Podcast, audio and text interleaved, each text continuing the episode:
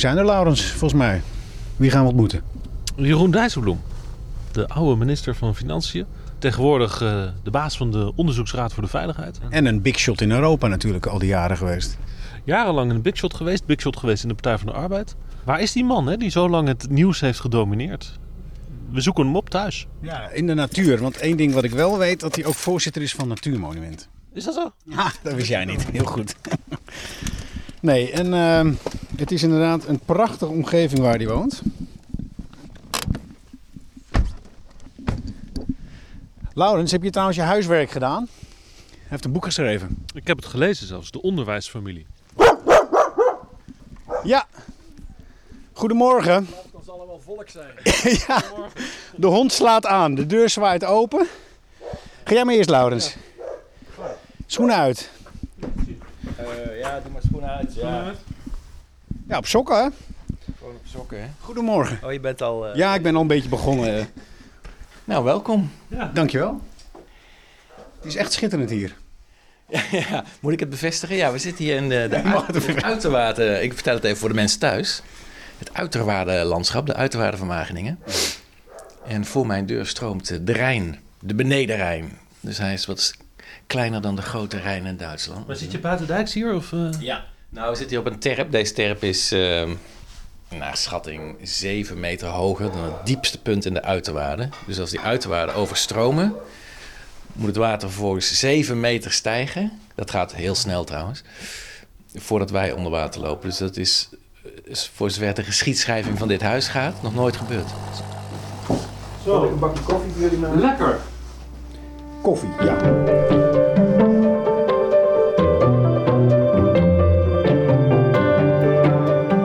Dit is De Binnenkamer. Harmer van der Veen en Laurens Boven gaan op visite bij politici van toen en nu. Een bezoekje in het hoofd en hart van bevlogen bestuurders.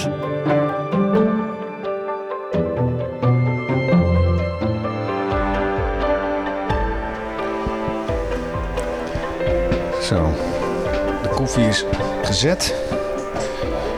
Jeroen Dijsselbloem heeft de kopjes meegenomen naar boven en we klimmen een houten trap op.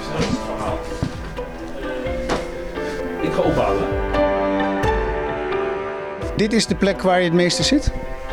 Ja, uh, zeker tijdens corona heb ik natuurlijk heel veel thuis gewerkt. Dus dan uh, zat ik hier achter mijn bureautje. Ja. Het is niet groot, uh, Jeroen.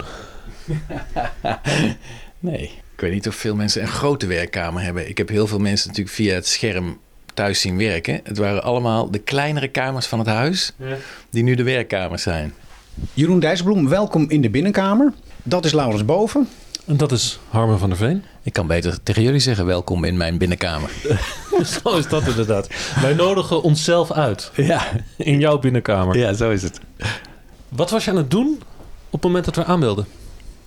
Um, ik had net de hond uitgelaten. Um, en ik was daarna weer in de krant verdwenen, denk ik. Krant aan het lezen. Aha.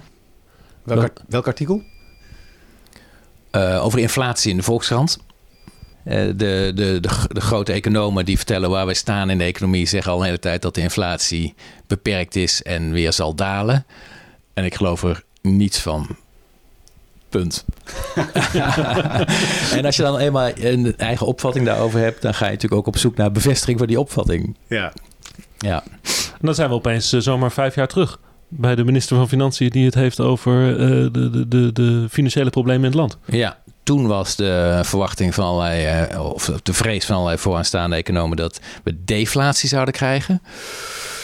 Um, dat geloofde ik ook niet. Dat is ook nooit gebeurd. Maar goed, misschien kwam dat wel door beleid. Was het anders wel gebeurd, kun je ook nooit bewijzen. Nu is de stelling, uh, nee hoor, er komt geen inflatie. Maar als je gewoon heel simpel je realiseert hoeveel geld er wereldwijd door centrale banken en overigens ook door overheden, maar die halen het dan weer bij de centrale bank, uh, beschikbaar is gesteld in het kader van corona. En ja, de economische effecten van corona zijn natuurlijk veel beperkter dan iedereen had verwacht. Ik weet nog aan het begin van corona werd gezegd: deze crisis is groter dan de financiële crisis. Toen dacht ik, oh, dat is snel geconcludeerd, want ook dat moeten we nog maar zien. Um, maar er is natuurlijk ontzettend veel uh, geld beschikbaar gesteld. En ja, als dat geen effect, effect heeft op inflatie, zou echt heel bijzonder zijn. Ja. Maar zijn dat ook de eerste pagina's die je opzoekt als je dan de krant opslaat? Nee, hoor, nee, nee, nee. Dus echt, eh, dit was gewoon een heel groot artikel op pagina 3 of 5 in de Volkskrant. Dus Ja. je komt het vanzelf eh, tegen. Nee, zo is het niet.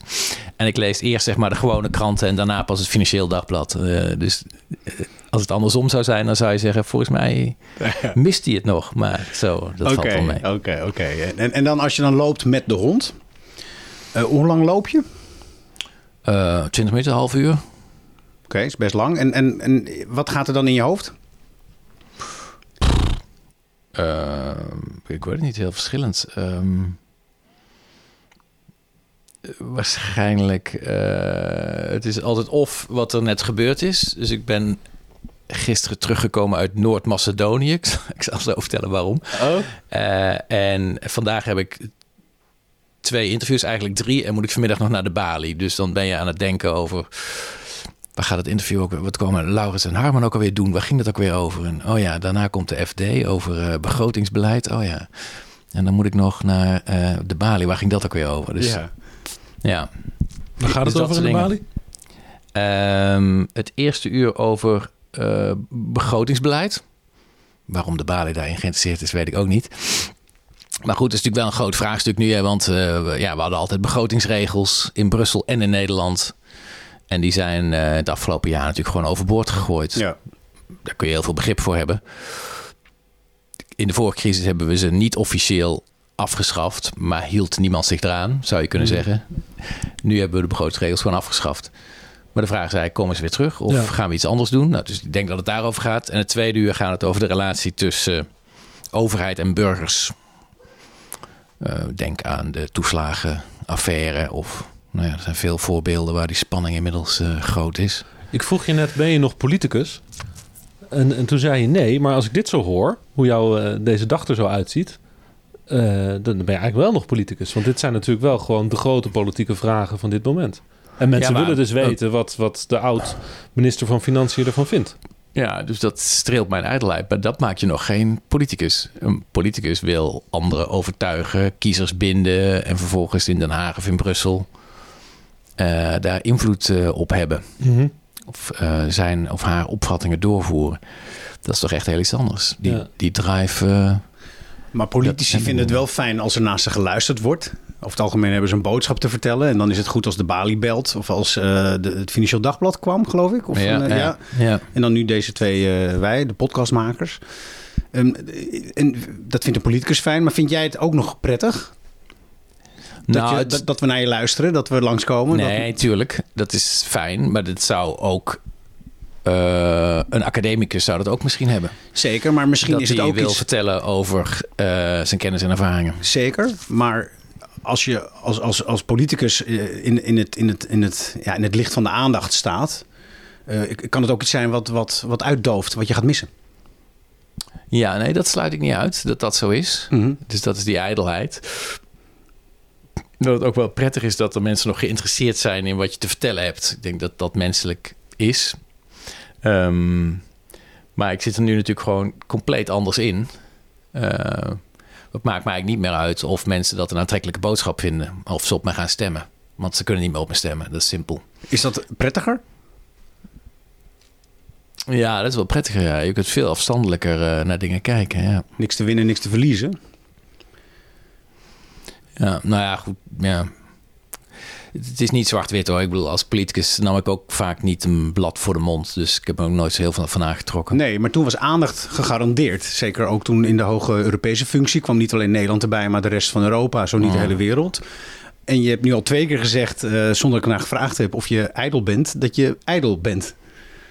Nou, je vroeg wel naar, want je vroeg van... hoe vind je het prettig dat er nog naar je wordt geluisterd? Dus ja, En maar toen bevestigde ja, want mijn ijdelheid streelt dat. Maar is dat iets wat je ook echt zelf hebt moeten ondervinden, dat dat, je, dat, dat strelend werkt?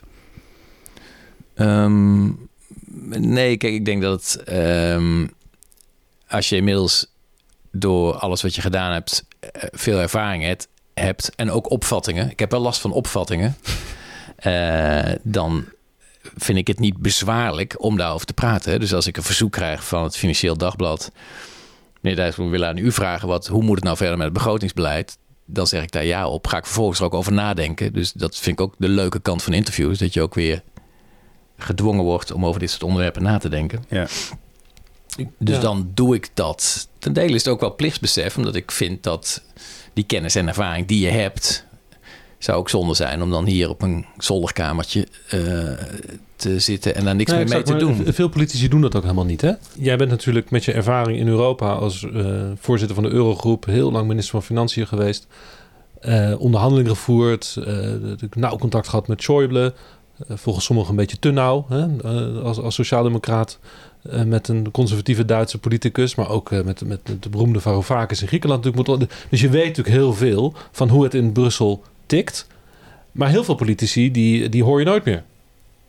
Het is wel grappig hoe jij een vraag formuleert. Want er zitten, er allerlei lagen in en boodschappen en zo. En een, een verwijt dat ik als sociaaldemocraat te veel heb samengewerkt met een conservatief. Ik zal je vertellen dat in die eurogroep... waar natuurlijk eh 19 ministers van Financiën in zaten... daar had je dus alle politieke kleuren. Tot en met eh, populistisch rechts. Eh, en ik moest met ze allemaal samenwerken. En van heel veel van die ministers wist ik niet eens wat de politieke kleur was. Snap je? Omdat in de setting van een eurogroep... En in de toestand van de crisis, die Ja. vaak heel acuut was, ben je echt helemaal niet bezig met wat is eigenlijk jouw pa- partijpolitieke kleur. Gelukkig niet, zou ik haast zeggen. Want We waren bezig de euro te redden en eh, Griekenland overeind te houden. En, Dus snap je? Dat, dus Dus dat, dat is- Maar dat trekt de kleur er dus ook eigenlijk uit. En dat is maar goed ook, zeg je. nou, de, kijk, de kleur eh, verlies je voor een deel zodra je in Nederland minister van Financiën wordt. Als de minister van Financiën zich zeer partijpolitiek opstelt, gebeuren er twee dingen. Ten eerste heeft hij in het kabinet geen vertrouwen meer. Je bent namelijk in het kabinet de bewaker van iedereen. Ja. Namelijk de bewaker van de schatkist. En iedereen heeft altijd behoefte aan meer geld in het kabinet en de Kamer. En ten tweede, de Nederlandse bevolking. eh, de minister van Financiën in Nederland vaak populair. Maar dat gaat schuiven zodra je partijpolitiek wordt. Dat is heel grappig. Dan raakt de minister van Financiën het vertrouwen bij het publiek kwijt. Bij het dus je moet, publiek, ja. ja, je moet boven de partijen staan en zeggen: jongens, alles goed en wel. We kunnen allemaal politieke afwegingen maken. Maar het moet financieel wel een beetje op orde blijven. In die eurogroep is dat nog veel sterker. Er zitten 19 landen die allemaal heel verschillend zijn. Die, hun economieën zijn anders, hun cultuur is anders, hun bankensector is anders. Als je dat puur ideologisch gaat benaderen, ga je totaal voorbij aan.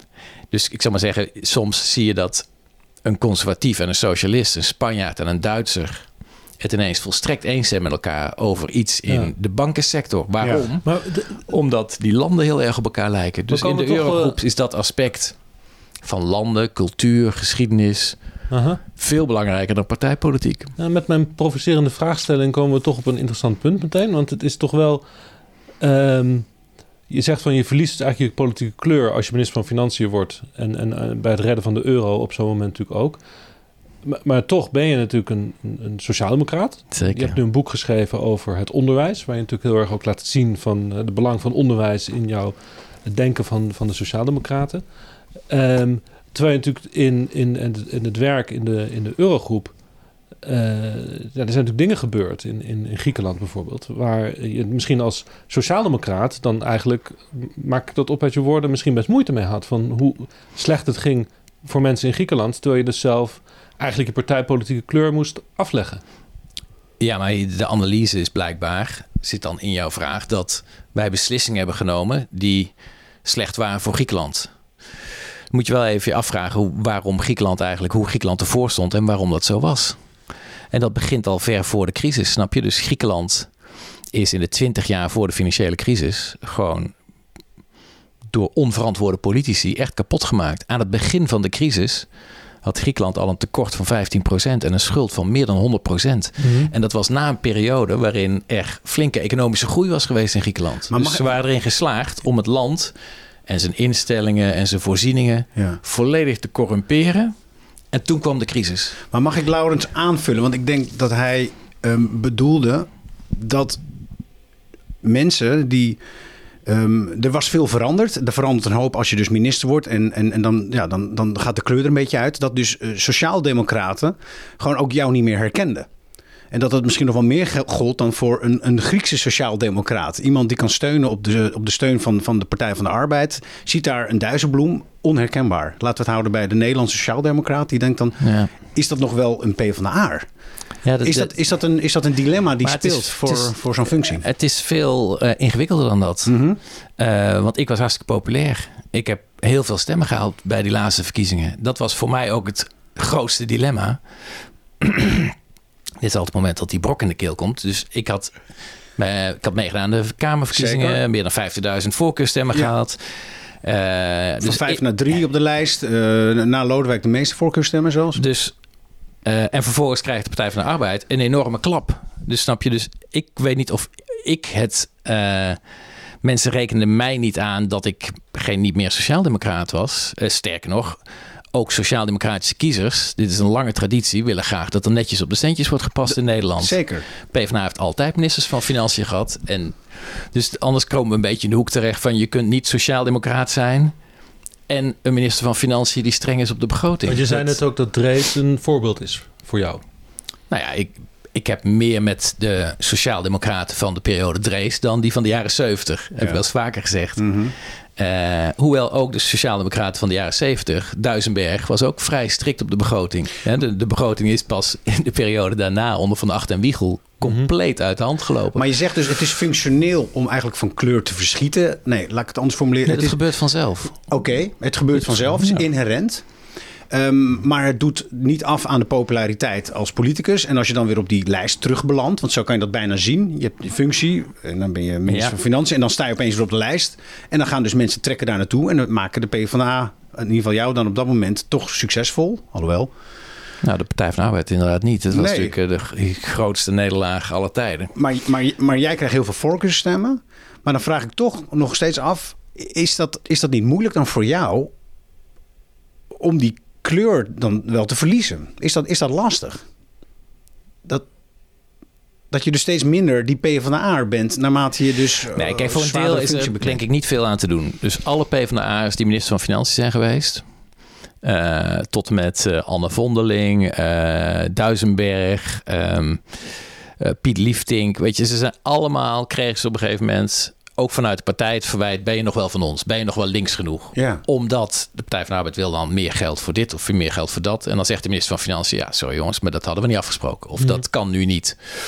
Dus die, dat krijg je altijd. Ik kan me P- ehm, eh, bewindslieden overleggen herinneren eh, van de Partij van de Arbeid... waarbij Wouter Bos als partijleider tegenover al zijn eigen PvdA-minister zat. Zij zeiden er moet meer geld komen voor dit of dat. En Wouter begon te zuchten. Zei ja jongens, maar dat kan gewoon nu niet. Of dat hebben we zo niet afgesproken. Maar dat Dus- heb jij ook meegemaakt. nou, ik ben nooit partijleider en minister van Financiën geweest. Voor Wouter was het dus nog, Nog. ingewikkelder. Die was en partijleider, vicepremier, dus ook verantwoordelijk voor het kabinetsbeleid. Natuurlijk als Ja. geheel, minister van Financiën. Wim Kok was dat natuurlijk ook. Wim Kok had dat ook, Ja, precies. Maar dat vaststellen, maar wat doet dat? Nou, ik heb er niet zo'n groot probleem mee. Kijk, ik ben het niet eens met de verkiezingsuitslag. Dat is ook een van de redenen waarom ik ben vertrokken. Dat mag je als politicus nooit zeggen. De kiezer had ongelijk. Maar ik vond en vind dat wel. De kiezer had eh, geen gelijk met die verkiezingsuitslag in 2017. Waarom? Wij hebben in die eh, enorme crisis van eh, die jaren allerlei afspraken gemaakt met de VVD. Een deel daarvan was gewoon rechtstreeks uit ons verkiezingsprogramma. Bijvoorbeeld de decentralisatie van de zorg of het sociaal leenstelsel was gewoon PvdA-beleid. Hadden Ja. we met elkaar afgesproken. Stond al jaren in ons programma. Maar niemand die het zag. Dat kan zo zijn. Ehm, maar ik vind het een beetje gek om dan achteraf te zeggen: sorry, we hadden dat niet moeten doen. Dus het verwijt, jullie hebben VVD-beleid uitgevoerd. Dan denk ik, nee jongens, dan ken je je eigen verkiezingsprogramma niet. Dit wilde de Partij van de Arbeid al heel lang. Decentralisatie van de zorg. Snap je? Dus ik ga daar niet ineens, dat vind ik dan hypocriet, om dan achteraf te zeggen: ja, sorry, we zijn onder het juk van de VVD doorgegaan. Want dat is gewoon niet waar. Hetzelfde geldt voor de begroting. Ja, we hebben afgesproken, we houden de begroting ehm, onder controle. We gaan het tekort weer terugdringen. Ja. En ondertussen zorgen we dat de inkomensverschillen in Nederland niet verslechteren. Maar ook- in crisisjaren. Nee, laat me even uitpraten. Dit was Ja. het belangrijkste punt in de onderhandelingen met de VVD. Dus bij al die maatregelen in die periode is steeds gekeken... wat doet dit voor de mensen met de laagste inkomens? Ja. Is voortdurend gerepareerd. Dan kun je zeggen, doe ik dat als PvdA-minister samen met Ascher? Nou, ja. Maar ik weet ook dat we het gewoon hebben afgesproken in het regeerakkoord. Dus Ja. ik kan ook tegen de collega's in het kabinet zeggen... hiervoor is wel geld. Bijvoorbeeld extra geld voor de huurtoeslag. Wat bijna elk jaar nodig was. Elk jaar 200, 300 miljoen erbij voor de huurtoeslag... om die lage inkomens tegemoet te komen. Dat kan ik dan als minister van Financiën gewoon zeggen... ja, dat komt er. Want dat hebben we afgesproken, het regeerakkoord. Maar ook hier werd die kleur eruit getrokken dan, toch? Dan zitten we nog steeds eigenlijk op hetzelfde. Dat zelfs op dat, op dat niveau van de PvdA en de VVD... eh, werd eigenlijk de kleur eruit... De, de kiezer herkende het niet meer. Nee, maar goed, de- kijk, de, de kleur, voor mij zat het erin bij het Partij van de Arbeid programma uitvoeren. Ja. Sociaal leenstelsel stond al sinds Wouter Bos in ons programma. Ja. Als we dat dan uitvoeren en na de hand zegt iedereen dat was heel slecht, waar ik het ook niet mee eens ben, want de gevreesde effecten op doorstroming in het onderwijs hebben zich helemaal niet voorgedaan. En het is nog steeds een zeer sociaal leenstelsel. Ja. Dus ik verdedig dat nog steeds. Ik vond het helemaal geen gek idee. Snap je? Dus iedereen zegt dan, ja, jullie hebben je kleur verloren. Sorry, we hebben ons verkiezingsprogramma uitgevoerd. Maar je geeft uiteindelijk de kiezer ongelijk. Ja, dus de kiezer. Maar de kiezer heeft nooit ongelijk, snap je? In de politiek Ja. kun je daar niks mee, want Nee. Maar je moet luisteren eh, naar de kiezer. maar kan je niet- Dus, dus moet je dus- wegwezen uit de Maar politiek. zijn het dan ook de journalisten geweest die misschien dat verkeerd hebben uitgelegd dan? Of, Nee hoor, helemaal niet. Ik heb... Er is een misverstand ontstaan dus kennelijk. Nou, het enige wat je met wijsheid achteraf kunt zeggen is dat wij hebben dingen in de Partij van de Arbeid heel lang tegen elkaar gezegd. Een sociaal leenstelsel zou een goed idee zijn. Keer op keer in ons verkiezingsprogramma gezet. D66 ook, GroenLinks ook. Dus het was blijkbaar een links idee. En nu hebben we het gedaan en er komt er natuurlijk veel verzet tegen. Nou, ten dele begrijpelijk, ten dele niet begrijpelijk. En dan trekken we onze handen ervan af en zeggen we het was een heel slecht idee, sorry. Ja, sorry, ik ben het daar dan niet mee. Dus het enige wat je Ja. dan achteraf kunt zeggen is dat blijkbaar of we hebben het niet goed doordacht. Daar twijfel ik over. Ik denk dat Wouter Bos het toen wel goed heeft doordacht. Eh, of we hebben blijkbaar onze achterban er niet in meegenomen. Waarom doen we het eigenlijk? En welke waarborgen zitten daar dan in? En waarom is het wel sociaal? En toen dacht jij, dan moet ik wegwezen. Nou, het is wel vrij fundamenteel als, als je vindt dat de kiezer geen gelijk heeft. Dan moet je wegwezen. Ja, dat was mijn conclusie. Kijk, Ja. ik begrijp namelijk heel goed dat de Partij van de Arbeid fractie, waar ik dus toen eh, deel van eh, uitmaakte na de verkiezingen, moet gewoon laten zien dat er lessen geleerd zijn. Moet zeggen van nou, dit hebben we niet goed gedaan, dat hebben we niet goed gedaan. En Ja. op onderdelen zal het ook zo zijn. Maar ik zag al snel dat er eh, ja, sorry ging komen over beleidsonderdelen. En überhaupt inmiddels voor het hele beleid van Rutte 2 geloof ik. En daar had je geen zin in. Daar ben ik het gewoon niet mee eens, jongens. Nee. Dat was gewoon een goed kabinet. Ja, er zijn dingen niet goed gegaan. Nee. Maar als je toch bedenkt in wat voor periode dat was... en hoe we hebben samengewerkt en hoe het land eruit is gekomen... Ja, eh, Ja. Ja. ja ik vind het toch, het is... ehm, we komen zo op, je, op, op het boek, maar één ding nog even hierover. Want het is toch interessant als je concludeert dat de kiezer dus geen gelijk heeft gehad. Of eigenlijk verkeerd heeft gezien. Ehm, ik weet dat dat natuurlijk niet kan, hè? het is wel, ik vind het, nee, ik vind het mooi. Eh, het is natuurlijk wel de, de, de situatie uiteindelijk. Dat Ja, er dus zeker. 30 Maar dat is toch een heerlijk. Maar zijn er is toch een geweldige Ja. boosheid zit daarin. De kiezer heeft geen gelijk. Ik, Nou ja, dat- maar ik, accepteer dat ik accepteer dat ook. Maar ik heb er heel veel verdriet van, snap je? Ja. Dus dat eh, die Partij van de Arbeid is voor mij... Ja, ik ben lid geworden toen ik 19 was. Ik heb echt alles gedaan. Gesjouwd met het partijkrantje. In de gemeenteraad gezeten hier in Wageningen. Je kunt het zo gek niet verzinnen. En als je dan... Nadat je in het kabinet hebt gezeten in... eh, nou, ik ga niet helemaal vertellen. eh, in het kabinet hebt gezeten en eindigt met zo'n verlies. Ja. Ja. dan heb je iets grandioos Ik niet goed gedaan. goed, dat snap ik, ook wel. nog, maar je neemt dan heel afscheid van heel veel. Want vlak daarna ben je ook afgetreden als Kamerlid, geloof ik, hè, toen het kabinet geformeerd was. Ja. Eh, dan, dan, dan gaat natuurlijk opeens heel veel... De wereld wordt opeens heel klein dan. Nou, ik vond eigenlijk dat hij heel groot werd. Ik had besloten, toen ik helemaal uit de politiek was, besloten om in eh, minstens een jaar lang geen baan te hebben. Ook geen wachtgeld, zeg ik er meteen bij, voordat de mensen thuis denken dat ik op kosten van de belastingbetaler een eh, jaar heb. eh, ehm, en dat is uiteindelijk bijna anderhalf jaar geworden. was dat En- lekker? Ja, dat was fantastisch en dat was ook echt nodig. Weet je, als je zo, zo intensief, zo lang met politiek bent bezig geweest en zo hard hebt gewerkt. Ja, dan moet je ook echt, eh, ja, ik noem dat ontgiften. Maar dat klinkt een beetje negatief alsof politiek een gif was. is, maar ja. het moest wel uit je systeem. Het, po- het politieke, dat je daar altijd maar mee bezig bent, moest Want- uit het systeem. Want waar heb je offers moeten leveren? Doordat ik uit de politiek ben gegaan. Ja, wat heb je gemerkt, weet je? Want eh, een ideaal nastreven, dat deed je daar. Ja, een belangrijke baan. Dat gaat altijd ten koste van iets anders. Ja, dat, dat is ook een soort offer. Kan niet anders. Had je, want je zei... Ik heb het nog nooit zo ervaren. Ik heb er nog nooit over nagedacht. Laat ik het dan anders formuleren. Wat het offer is geweest. Al die jaren was je ergens anders. Toen had je anderhalf jaar. Toen was je hier, neem ik aan. Meer hier. Ja. Wat was het grootste verschil wat je al het eerste merkte? Ehm, nou ja, gewoon het, het feit dat je niet elke ochtend om half zeven wordt opgehaald door de auto met chauffeur. Eh, dus je komt in een heel ander ritme terecht. En eh, ik ben een boek gaan schrijven over de eurocrisis. Eh, ook als onderdeel van het proces van ontgiften. Hè? Gewoon schrijf het van je af. En dat hielp ook enorm, want als je eenmaal zo'n boek hebt geschreven... Nou ja, dan ga je, reis je nog een keer door het land om daarover te vertellen. En dan is het ook wel weer klaar. En dan heb je dat ook gewoon afgesloten. Dus het was proces van geleidelijk eh, loslaten, dingen een plekje geven. Hè, is dan eh, geloof ik de uitdrukking. Ja, ja, ga je gang. Ik weet niet. Ontgiften vind ik ook een heel mooie, toch wel een hele goeie. Ik bedoel, Ja. ja, ik noem het offers brengen die ten koste gaan van iets anders. Maar Nee, ik denk dat de offers vooral zaten in de periode dat je in de politiek zit. Mhm, zeker. En niet de periode daarna. De periode daarna was eh, ontspannen en bijkomen. En Maar waar zat de spanning dan? Want elke ochtend om half zeven een chauffeur voor de deur? ja, zoiets. Ik, ja. Dat lijkt me heel vroeg. ja, Ja, dat is een feitelijke vaststelling. Dat is vroeg. Ja. Slaap je dan in de auto nog een stukje? Nee hoor, nee, ik ga altijd de krant lezen in de auto. Nee, ik had, ik had het voordeel dat ik in Wageningen woonde, wou ik zeggen, maar ik woon er nog steeds. Ehm, dus ik zat veel in de auto. Dat had het voordeel dat ik al mijn stukken... Je moet als minister natuurlijk ook eindeloze tassen met papieren doorwerken. Deed ik altijd in de auto, zodat als ik thuis was, dan hoefde dat niet meer. Ja. Eh, maar goed, dit is even een zijstraat. Nou, Nee, de ik, eh, echte offers. De echte offers waren natuurlijk in de tijd dat je eh, juist wel die, die topbaan hebt. Weet je, dat je altijd weg bent. Dat je altijd aan het werk bent. En ehm, Ja, ik vind het dus... ja, waarom deed je dat? nou, ik vind gewoon die eh, politiek razend interessant. Eh, echt inhoudelijk. Dus ik, mijn, mijn motivatie is altijd inhoudelijk geweest.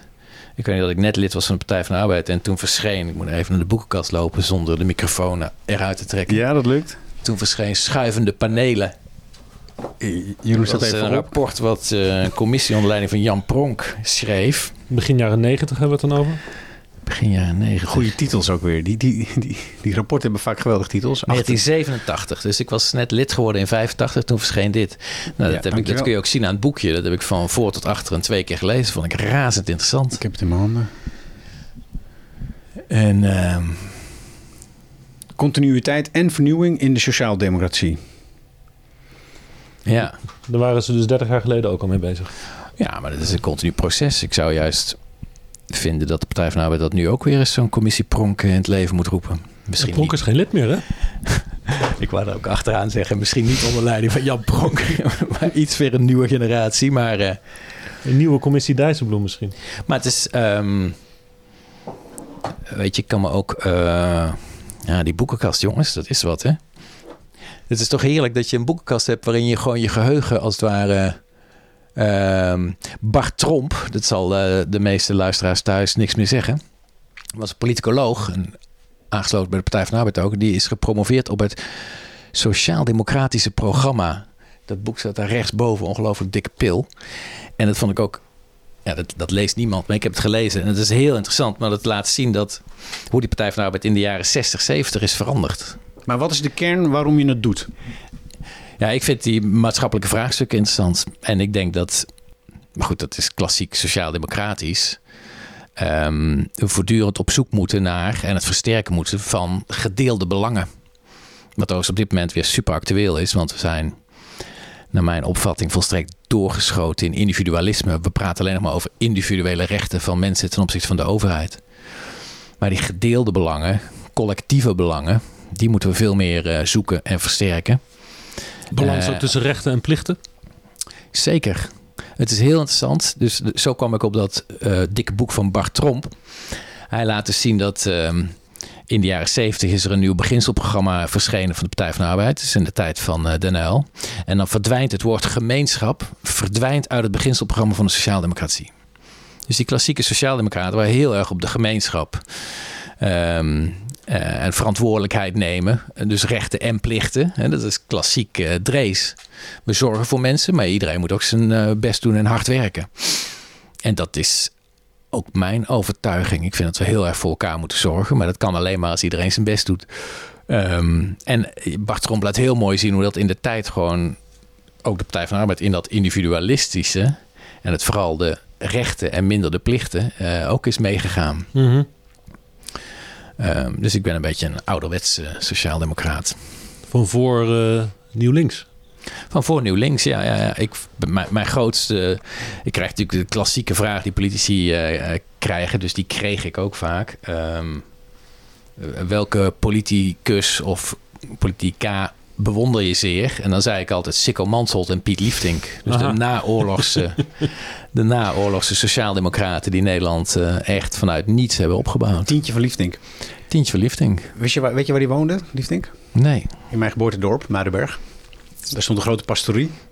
Um, dat stond heel lang leeg en dat kon niemand betalen in Muidenberg. En toen ging Richard Krajicek daar wonen. En nu is het huis van Liefdink weer in volle glorie staat het op de Brink in Muidenberg.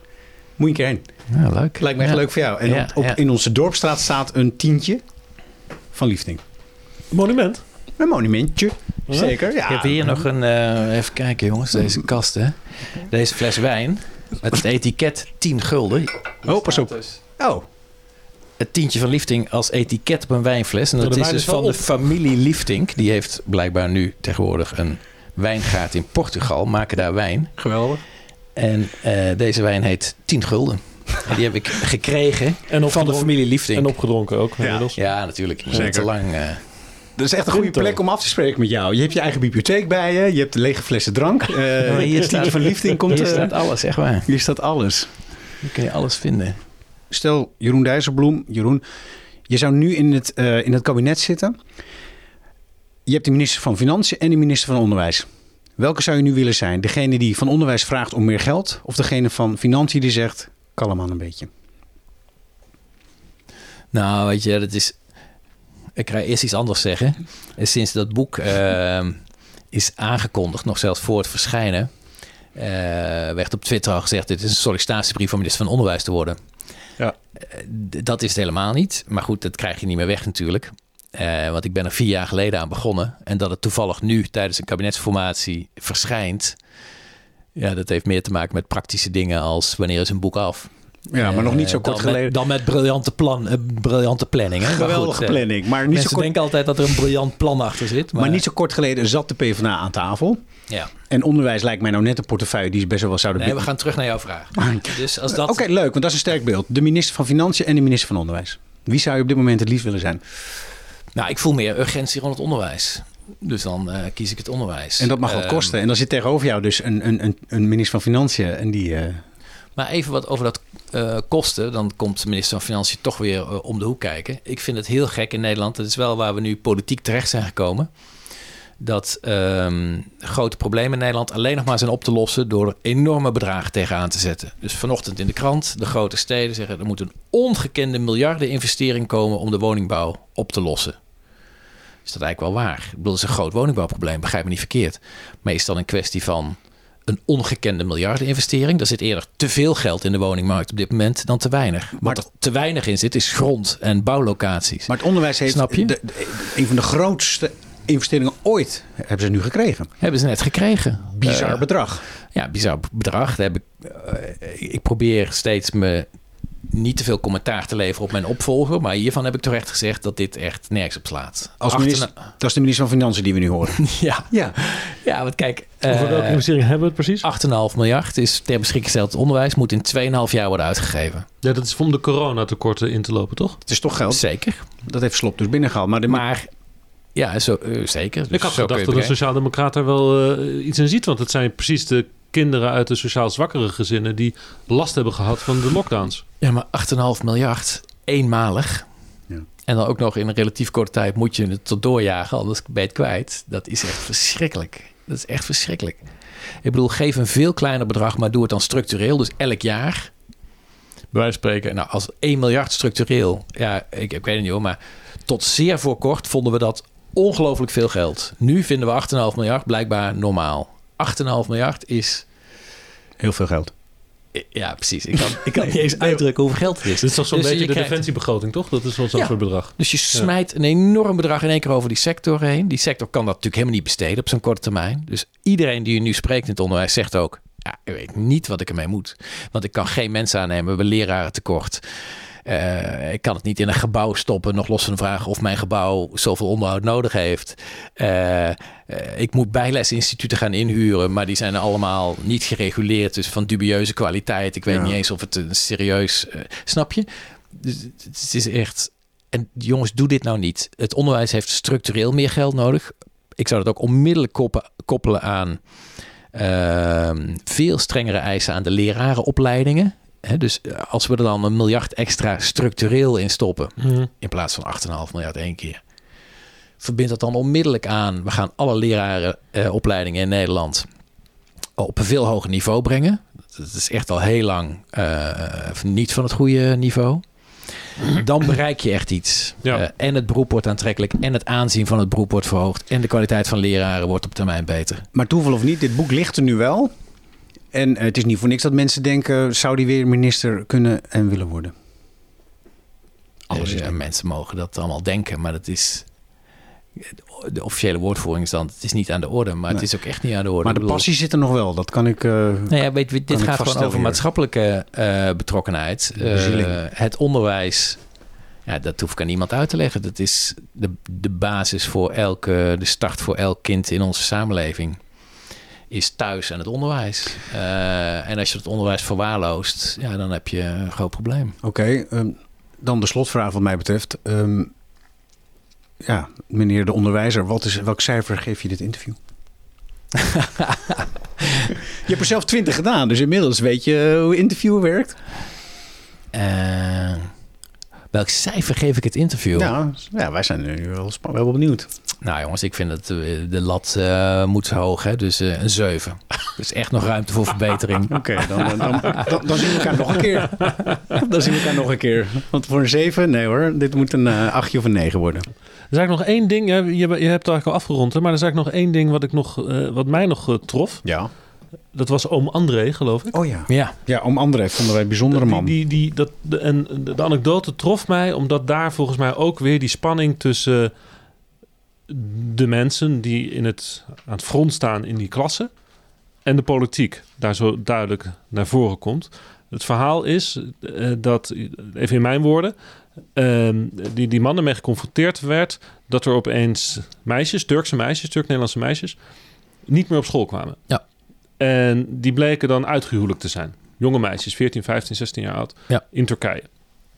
En eh, hij vond het vervelend dat dat gebeurde.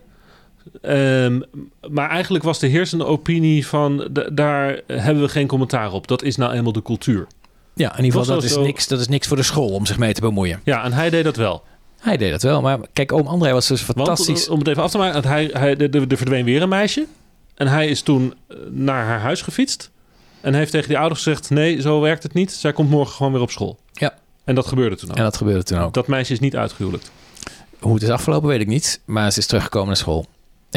Nee, maar oom André had daar gewoon hele heldere opvattingen over. Eh, hij zei ja, de populatie op die school veranderde. Dat was net ten noorden van Rotterdam Centraal. Dat was een MAVO. Was, eh, die veranderde gewoon in, in zijn tijd gewoon van wit naar een zwarte school. En hij, zijn opvatting zei ik, ja, dat maakt mij helemaal niks uit. Ik ga daar niet iets voor veranderen. Dus de leerplichtwet, die gold toen en die geldt nog steeds. En als dus kinderen ineens niet op school verschijnen, dan gaan we daar achteraan. En niet eh, met een soort multiculturele opvatting van... ja, maar dan moet je toch respect hebben voor die cultuur... en bij die mensen is het nou eenmaal anders. Nee, niks ervan. Terug naar school.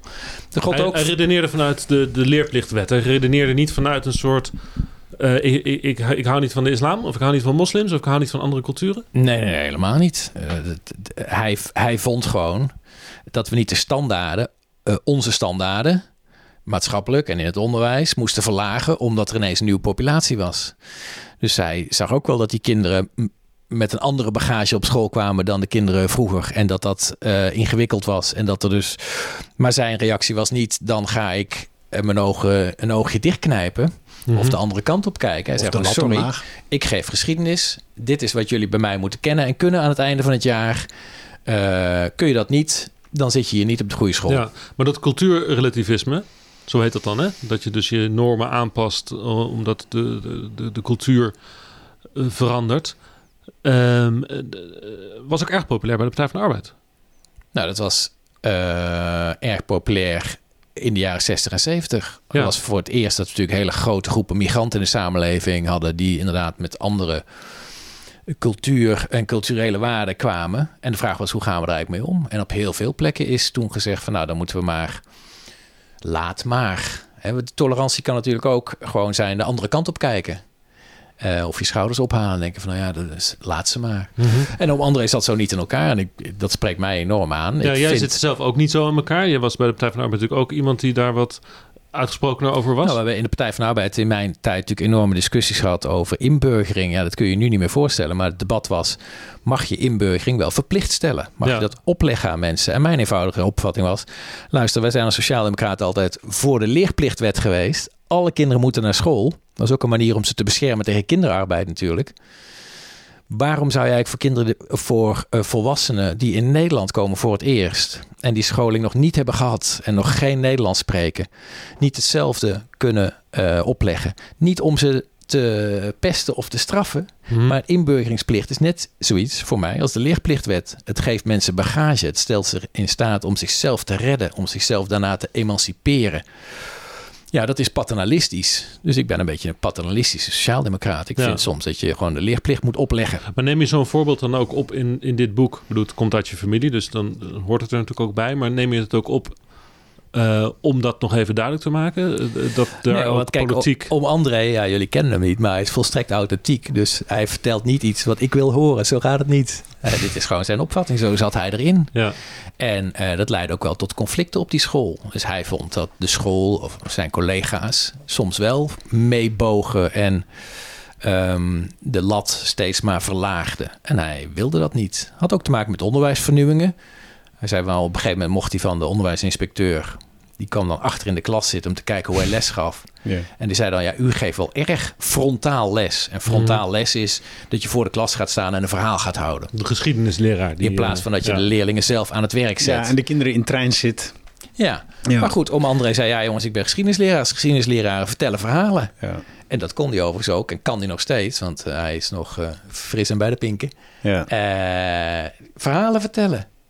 En ja, dan kun je wel zeggen, ja, dat, dat deugt niet. Ik bedoel, ja, anderen hebben misschien andere onderwijsmethoden, maar om André deed het zo.